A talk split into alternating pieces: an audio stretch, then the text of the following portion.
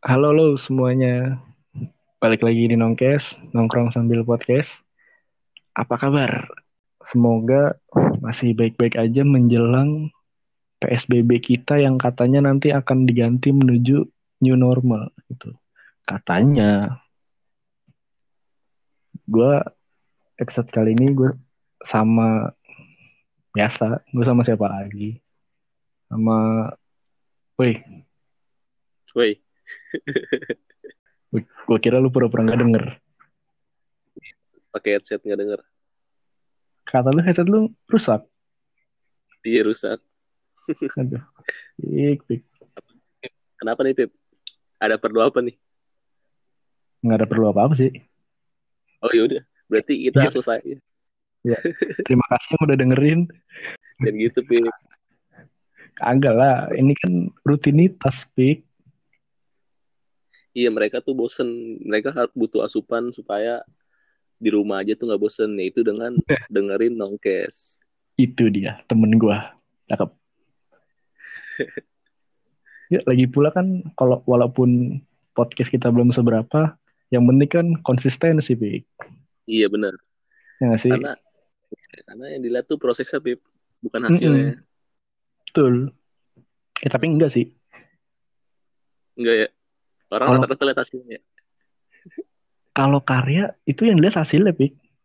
Lo karya. Mm-mm. Kayak, misalnya nih ya, trending nomor satu sekarang siapa? Siapa? Lu belum lihat? Belum lihat. Lu punya YouTube gak sih, Pik? Gue punya Pip YouTube. Enggak, maksudnya bangsat. Jangan gitu dong. Nggak, Maksudnya lu punya aplikasi Apaan? YouTube gak sih? Ada gue aplikasi YouTube. Lu nggak lihat trendingnya? Nggak lihat. Apaan Blackpink? Ka- kalah pik Blackpink sama ini pik. Oh kalah apa emang tuh? Setahu gue, Trendingnya- gue setahu gue tuh yang trending tuh kalau nggak Blackpink tuh, kalau nggak nih kan Aisyah istri Rasulullah. Bangsat itu trending sebulan yang lalu kampret. Ya pokoknya tuh Aisyah istri Rasulullah tuh yang bisa ngalahin Blackpink. Oh iya, dia mau siapa pun yang nyanyi trending ya. Iya. Kenapa kita waktu itu nggak buat judul ini pik ya? Buat podcast Aisyah istri Rasulullah. Ya emang, trending emang sih. siapa Pip? Hah? Iya emang emang siapa yang trending sekarang di YouTube? Trending, trending sekarang kan keke bukan boneka. Oh itu pertama tuh Pertama serius kalah Blackpink. gokil. Enggak. Iya, jadi kalau karya tuh yang dilihat hasilnya pik, buktinya eh misalnya nih ya, kan bikin video itu kan nggak mungkin nggak butuh proses dong. Betul. Ya kan lu kan lu kan ngerti kan, lu juga punya YouTube kan. Yoi. Terus Ap- Apa nih YouTube lu? YouTube gue NF Project. Asik. Mantap gak sih promosi? Nggak, Mantep nggak nggak sih? apa-apa kan?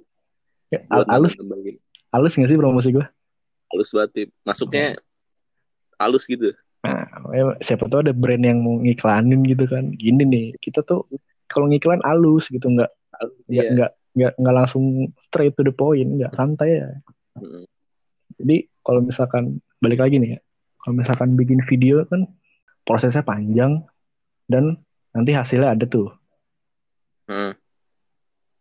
orang-orang tuh ngeliatnya hasilnya pik kayak misalnya videonya kayak kayak ini yang aku bukan boneka eh apa kayak kayak bukan boneka gue sih belum lihat ya cuman Iya, gue juga belum lagi.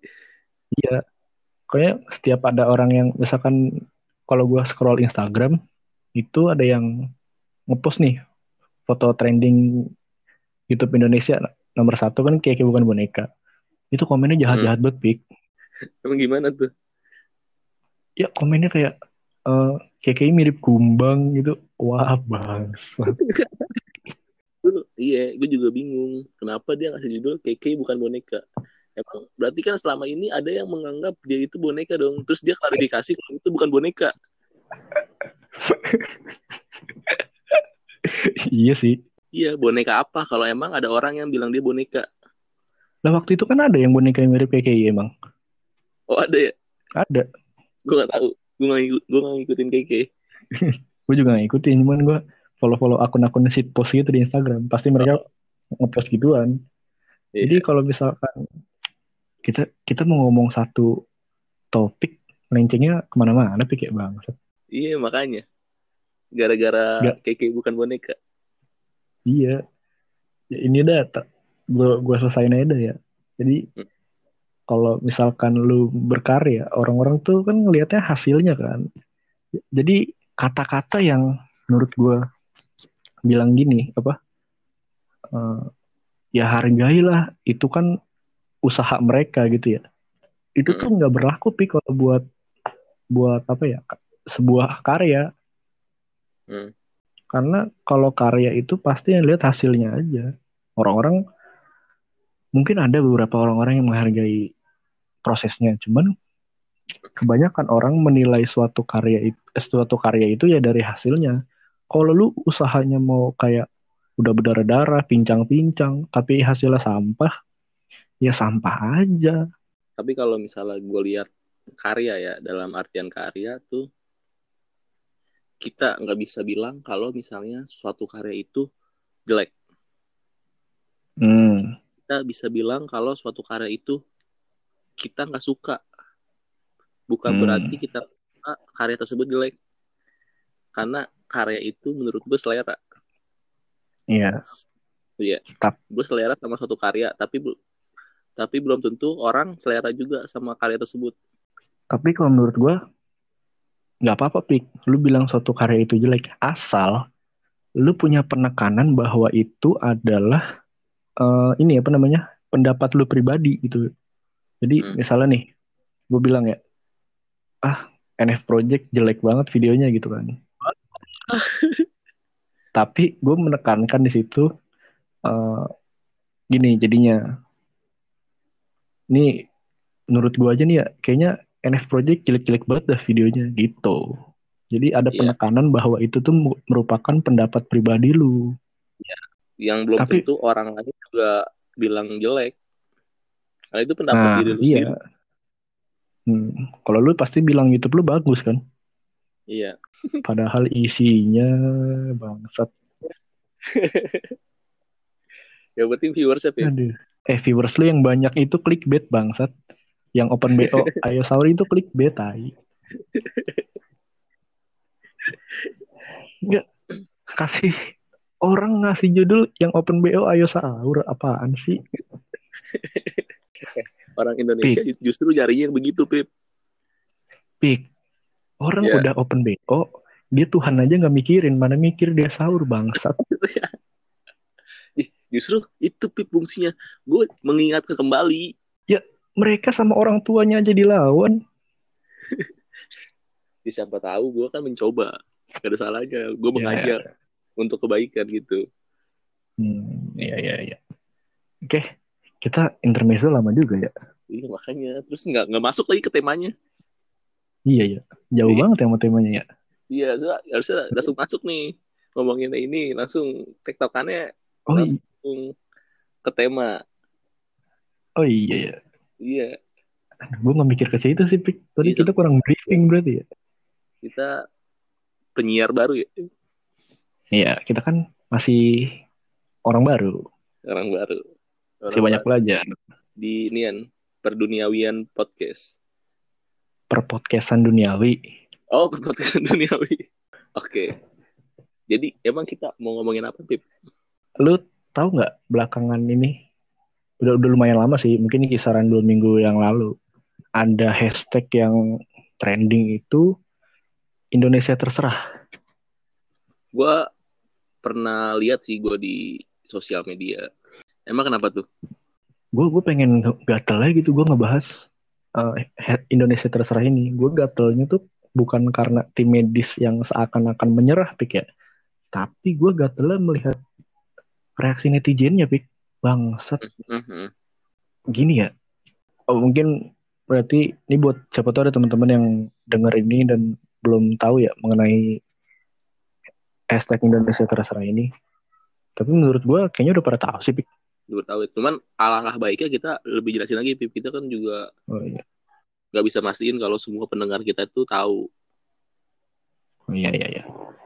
Jadi ini hashtag Indonesia terserah ini awalnya di, di apa ya ditulis atau disuarakan oleh tim medis yang mereka tuh geram sama kelakuan orang Indonesia yang seakan-akan nggak peduli akan keselamatannya gitu. Jadi kayak orang-orang yang masih belanja di mall, orang-orang yang masih nongkrong-nongkrong. Nah, tim medis tuh kayak gue udah capek-capek ngurus orang, ngurus orang sakit, terus uh, taruhan nyawa, ninggalin keluarga, dan lu masih kayak gini gitu. Akhirnya tim medis menyuarakan apa yang mereka rasakan itu dengan uh, rame-rame bikin foto mungkin ya, bikin campaign hmm. gitu dengan tulisan hashtag Indonesia terserah.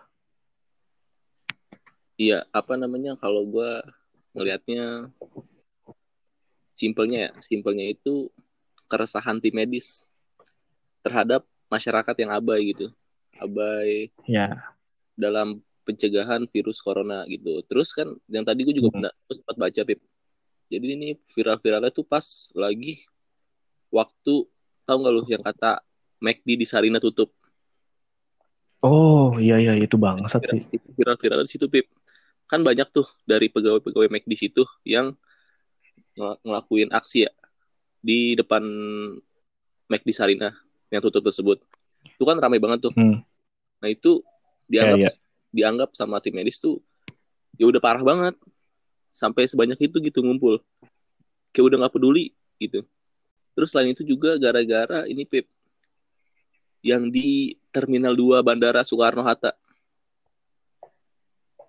Tahu gak lu? Ya, yang tahu, fotonya viral, yang rame banget. Iya tahu gua. Tahu tahu tahu. Itu pada sibuk pulang, pulang kampung. Hmm. Itu tuh awal-awal mula ada hashtag Indonesia terserah tuh yang semakin viral.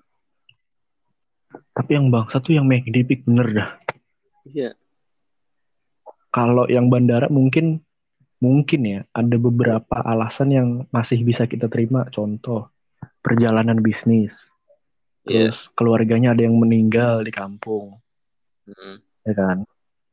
Itu masih masuk akal kalau mereka pengen maksa untuk ke bandara. Ya. Yeah. Ya kalau McD, kalau McD nggak ada alasan yang logis anjing buat mereka melakukan hal tersebut. Mm.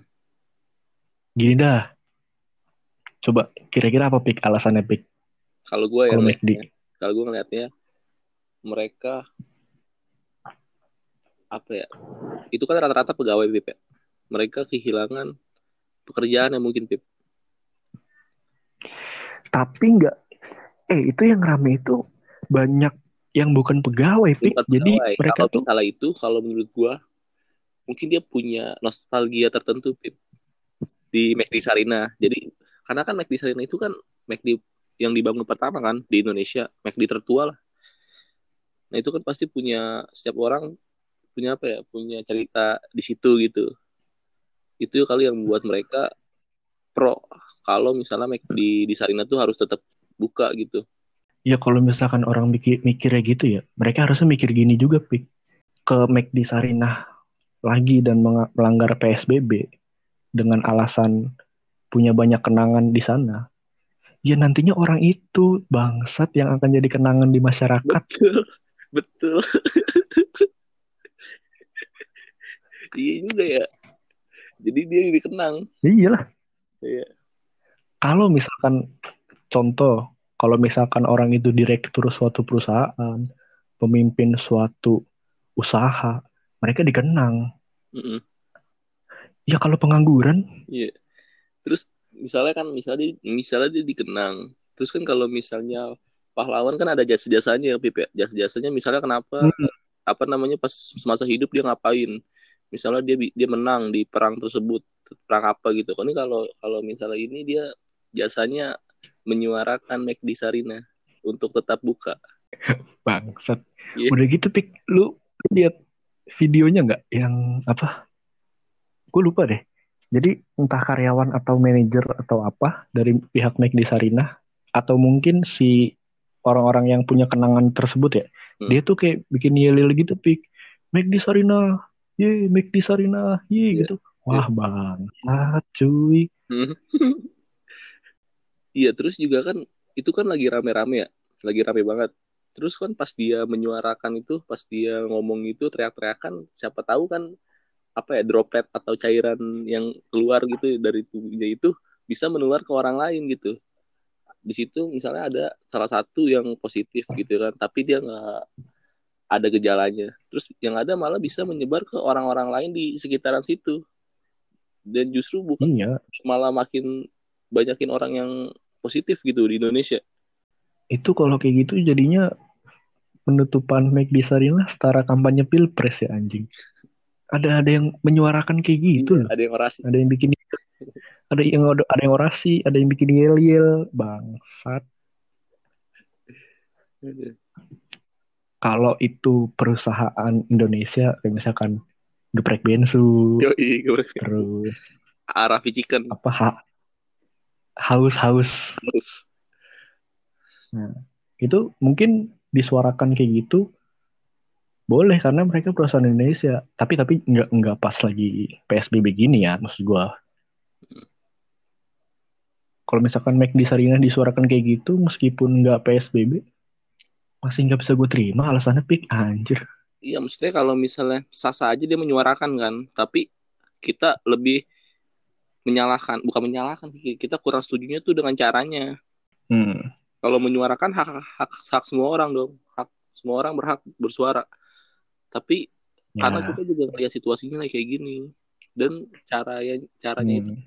kita tuh kurang setuju aja. Iya, iya. Dan lagi pula apa yang mereka suarakan tuh sia-sia, Pik. Iya. Karena Ini gimana? ya? lah. Karena dari petinggi ibarat kata dari petinggi backd aja ya udah udah udah umumin kalau bakalan tutup gitu ya. Nah, iya. Pegawainya juga kemungkinan besar tuh dioper ke McD-McD lain. Mereka udah datang nggak jelas. Dempet-dempetan. Nggak ada tujuan. Iya jadi kenangan. Jadi kenangan dah. Kenangan bersama Mike Sarina.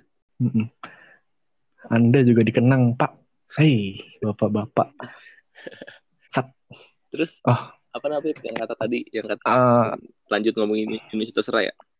Yang gue baca juga Pip selain tim medis menyuarakan tentang masyarakat yang abai terhadap pencegahan virus corona, terus juga dia tuh mengkritik pemerintah yang kurang tegas Pip. Tegas dalam artian mendisiplinkan masyarakat yang abai tersebut. Mas, apa namanya pemerintah dinilai sama tim medis tuh kurang tegas gitu selain alasannya masyarakat abai gitu. berarti hashtag Indonesia terserah ini bisa diambil dua poin ya. Mm-mm. Kalau menurut gue itu yang pertama adalah eh, apre- apresiasi, apa namanya ekspresi dari apa yang dirasakan oleh tim medis, dan yang kedua itu merupakan sebuah sarkas ya untuk pemerintah ya. Iya. karena aturannya yang karena aturannya yang terkesan karet gitu, Hmm. Ke mana-mana ayu. Terus gue juga waktu itu gue pernah lihat di pernah lihat nonton berita gitu ya. Kayak tim medis tuh ngomong gini. Karena kan selama ini kan dianggap kalau misalnya tim medis itu kan gugus terdepan ya dalam penanganan virus corona. Bukan dianggap sih, Pik, tapi emang. Enggak, tapi pas gue nonton berita itu ada salah satu tim medis itu dia ngomong kalau misalnya gugus terdepan itu sebenarnya bukan tim medis Pip, tapi masyarakat itu sendiri. Masyarakat Hmm. Yang- justru yang justru mencegah jangan sampai dia tertular itu gugus terdepannya. Tim Iya, iya. setelah itu kalau misalnya emang dalam Ulang-ulang tim medis. Eh. Hmm? Ulang-ulang tadi tim medis, tim medis setelah itu, setelah masyarakat gitu. Ulang tadi putus. Tim medis setelah itu. Jadi ketika masyarakat memang udah berusaha tapi tetap kena, nah baru tuh tim medis yang turun tangan. Gitu. Jadi yang pertama itu sebenarnya gugus terdepan dalam pencegahan virus corona itu, dalam penanganannya itu, itu masyarakat itu sendiri.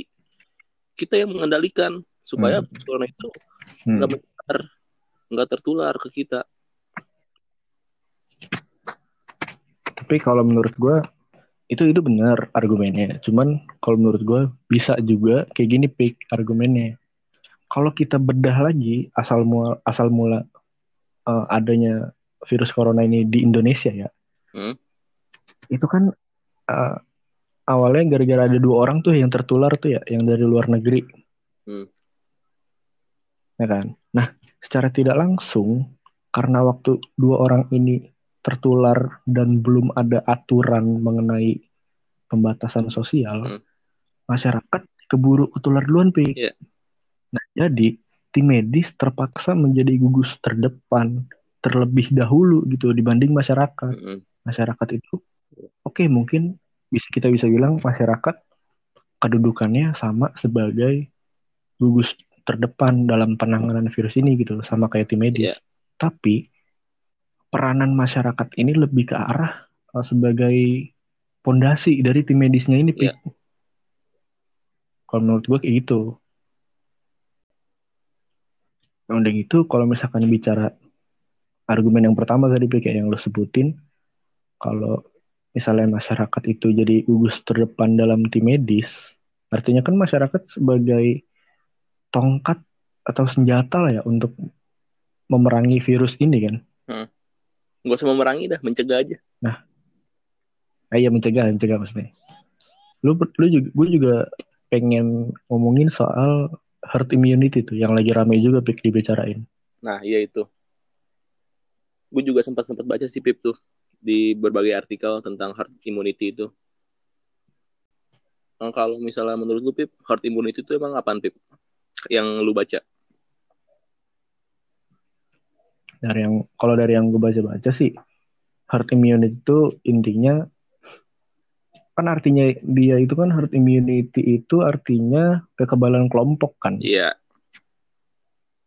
Jadi herd immunity itu adalah istilah medis yang digunakan pada suatu langkah atau cara untuk mendapatkan uh, kekebalan dalam suatu kelompok. Ya. Dengan cara itu caranya ada dua. Yang pertama dengan vaksinasi, vaksinasi atau vaksinisasi, Pik? dengan vaksin aja udah. Kita juga kurang paham Pip. Oh iya, iya. iya.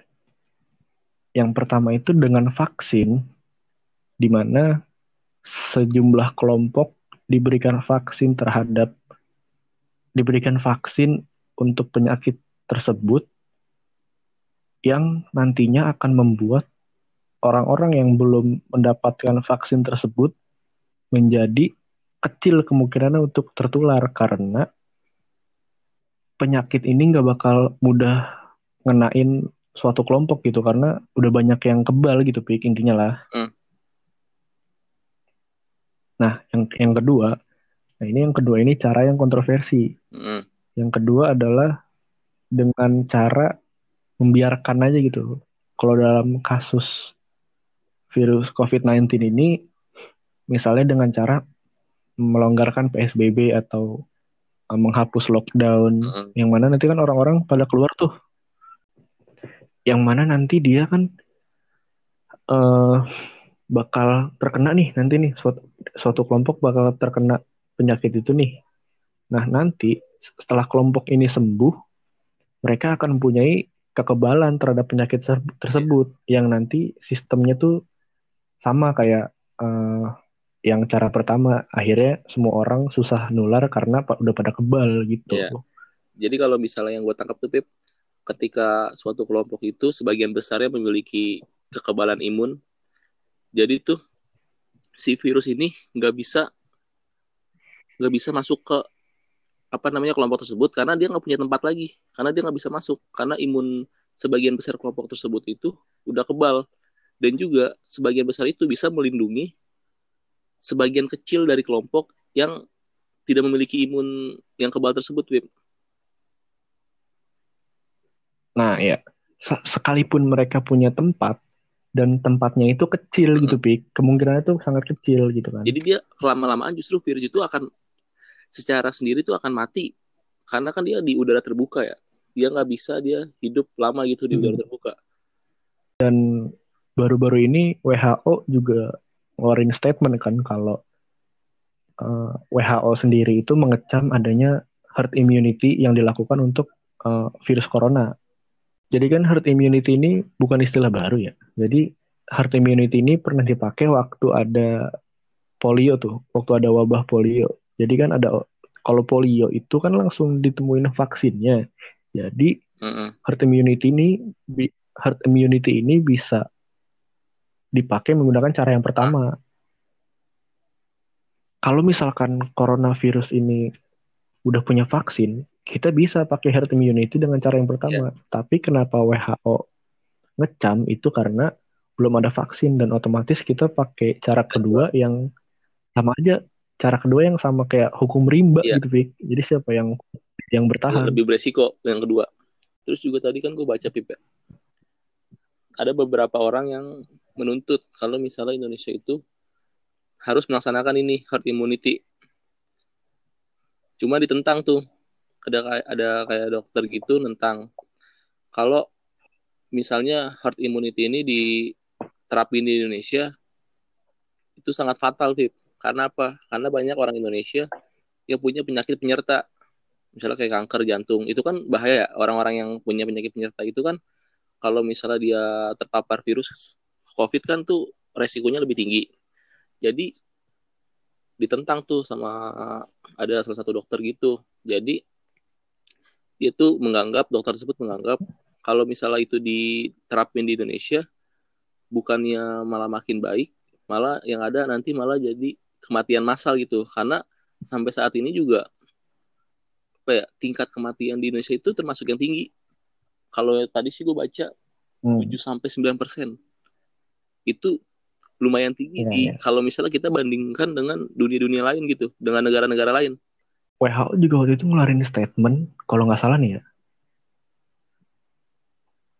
pokoknya kita kan tahu nih Amerika itu negara maju kan dengan segala teknologinya atau uh -huh. apa tapi dia tapi dia menjadi salah satu negara dengan kasus tertinggi dan dengan tingkat kematian tertinggi. Uh.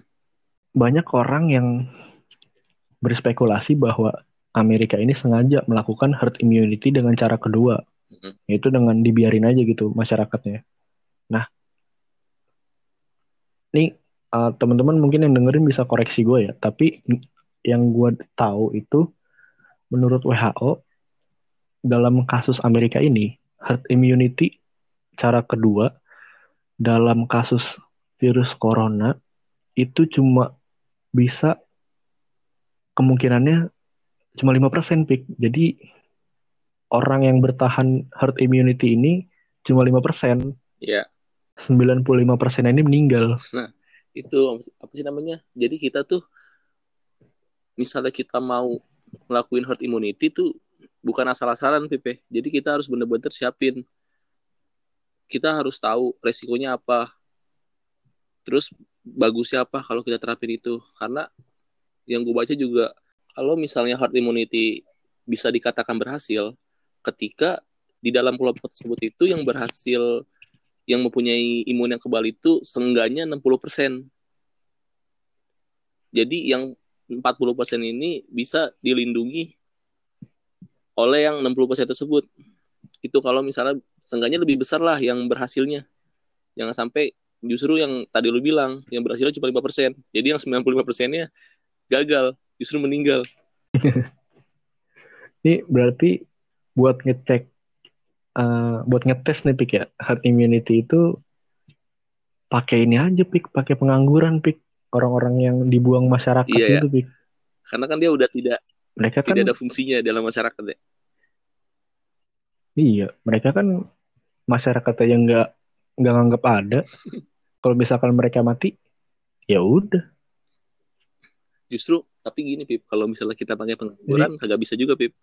Karena kan dia kerjanya di rumah. Suruh pancing ya pancing. Lowongan kerja Gila. gaji 10 juta. Nah gaji 10 juta kerja cuma tiga hari. Yeah. viral. Kamu harus tahu yeah. gitu. Kasih lokasinya ya.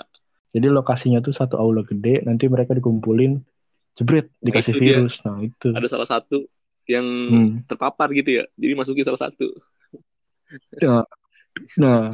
batuk batuk kalau misalkan batuk bersin orang pengangguran itu jangan kan terpapar virus dia dengar omongan tetangga aja kuat pip kalau misalkan mereka berhasil nih yang hidup nih 60% gitu kan kebal.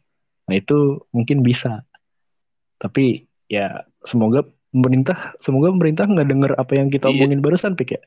Kalau kalau dicoba repot Nah, tapi kalau menurut gue kemungkinan berhasilnya bisa pip karena gini pip iya nganggur mulu nah, di rumah mulu kan gitu para pengangguran piring tuh cuciin Nggak, masyarakatnya nggak nggak kuat loh ngelihat mereka. Mereka kuat-kuat aja, santai-santai aja mau kondisi mereka bang.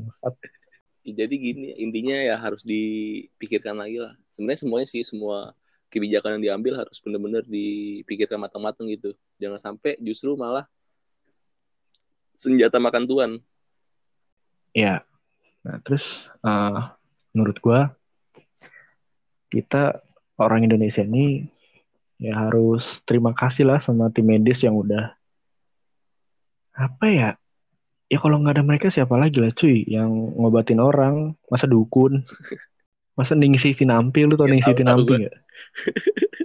Dokter Strange dari Iya, Indonesia. yang bisa nian ya. Masukin virus.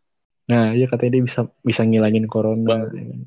ini masa kalau tim medis nyerah kita berobat sama Ningsih Tinampi semua bangsat. Ya jadi kita bersyukur lah apa punya tim medis yang udah kerja keras gitu.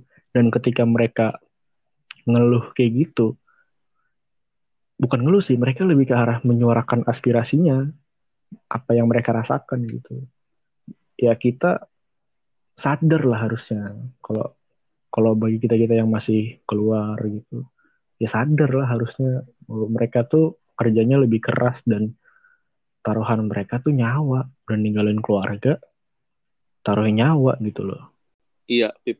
Terus tadi kan gue juga sempet nih, Pip ya. Gue sempet nonton kayak video konspirasi gitu, Pip.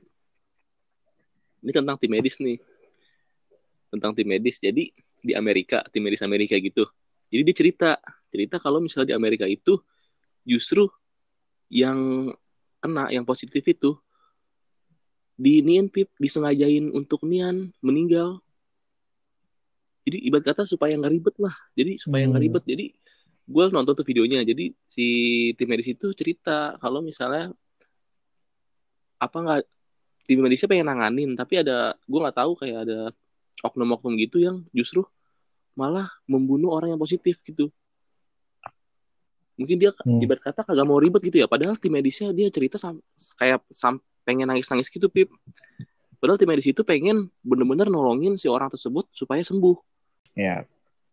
Ya kalau misalkan itu benar terjadi ya mungkin aja itu agen pemerintah yang pengen ngejalanin herd immunity Iya. gitu pi ya sekali lagi kan teori konspirasi itu kan belum bisa dipastikan kebenarannya nah gitu. iya itu dia. Gue juga baca pik waktu itu pik. Katanya orang-orang yang percaya sama teori konspirasi itu rata-rata berpenghasilan rendah. Ternyata itu. Iya. Nah tapi bangsatnya gue percaya pik. Iya, berarti penghasilannya rendah kita ya. Iya emang. Ya. Oke, jadi itu ya Pepe. Intinya Pepe. Jadi itu ya. Eh, jadi dari gua jadi dari gua buat closing tuh kita sebagai masyarakat harus melawan hashtag Indonesia terserah ini dengan hashtag Indonesia tidak terserah. Yoi. Bukan Indonesia tanpa pacaran. Aduh bangsat. Itu kan masuk aja bayar pik.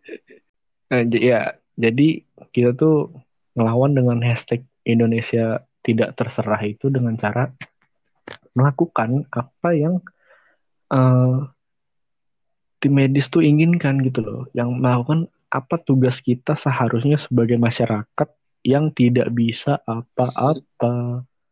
Pengangguran, mahasiswa yang tidak ada tugas, mahasiswa semester akhir tidak lulus-lulus, diem aja di rumah Anda.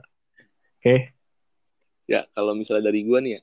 Kalau dari gua perlu kerjasama dari tim medis, pemerintah dan juga masyarakat umum. Masyarakat umum tolong, tolong banget.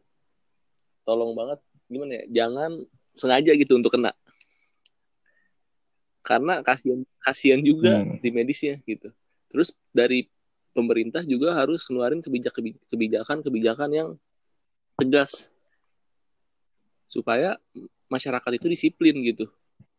Jadi ketiga elemen ini harus saling kerjasama. Iya. Supaya apa ya penyebaran dari virus corona ini juga semakin lama-lama nggak semakin menyebar gitu. Terus untuk misalnya herd immunity, hmm. dipikirin lagi apakah langkah yang tepat atau justru menjadi jebakan. Itu. Betul. Harus dipikirin matang lagi. Jangan hmm. sampai malah jadi jebakan untuk kita. Kayak new normal aja deh. Apa namanya kita juga apa ya untuk buat kebijakan tersebut tuh harus tahu itu emang langkah yang tepat atau justru jadi jebakan nantinya kita ketika kita dibebaskan untuk keluar walaupun pemerintah udah bilang ya untuk tetap apa namanya ikutin protokol kesehatan. Cuman kan kita nggak tahu prakteknya kayak gimana. Nah makanya yang tadi gue bilang di awal, pemerintah hmm. juga harus tegas ketika apa membuat kebijakan. Jangan cuman di kayak apa namanya dibilangin doang kalau misalnya kebijakannya ini ini ini ini, tapi dalam pelaksanaannya pemerintah lepas tangan gitu. Ya. ya. Betul, setuju gue. Gue juga baru sadar pik kenapa orang-orang pada uh, nyinyir gitu pas tim medis apa namanya bikin hashtag hmm. Indonesia terserah tuh.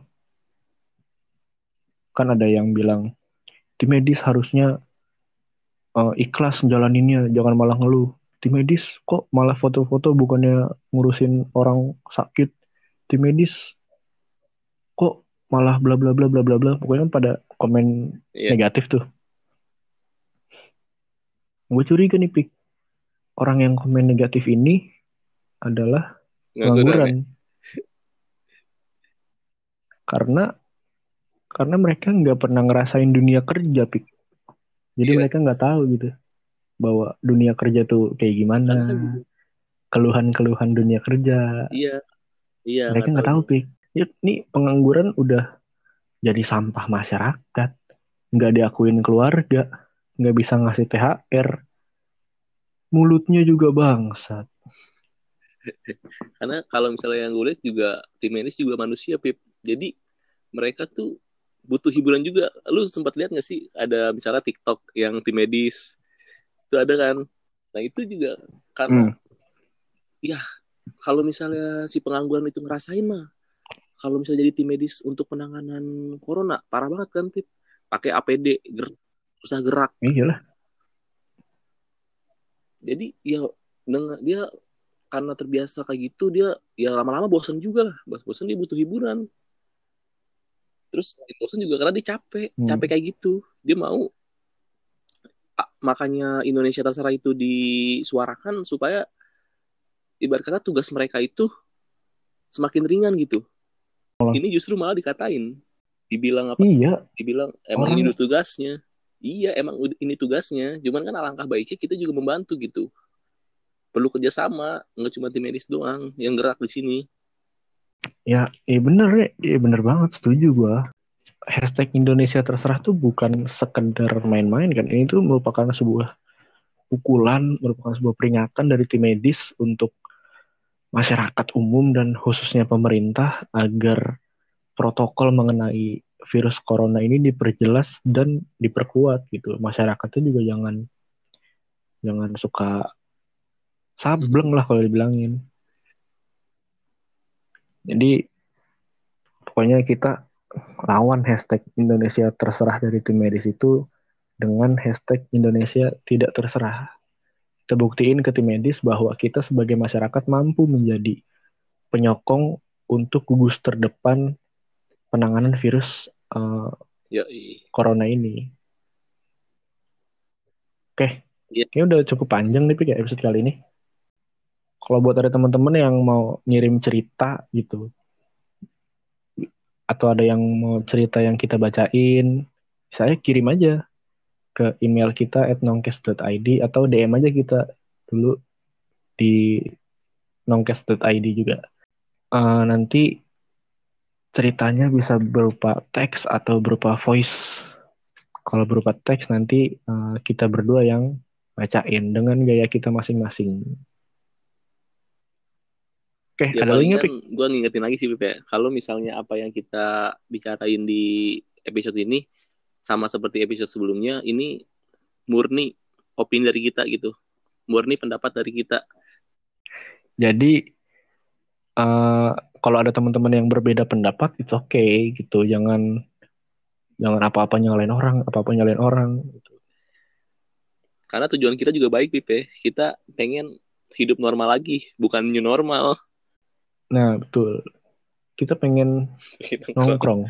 kita pengen buat podcast tapi berdekatan gitu ya Nah itu kita pengen bikin podcast nggak melalui rekaman online karena nyiksa banget pik. Ngeditnya nyiksa. Mulai dari obrolan kita tabrakan, suara napas lu, terus mas-mas nasi goreng lewat teman rumah gua. Bangsat nyiksa banget pik. ya udah Udah. Eh, sekian segitu dulu episode nongkes kali ini.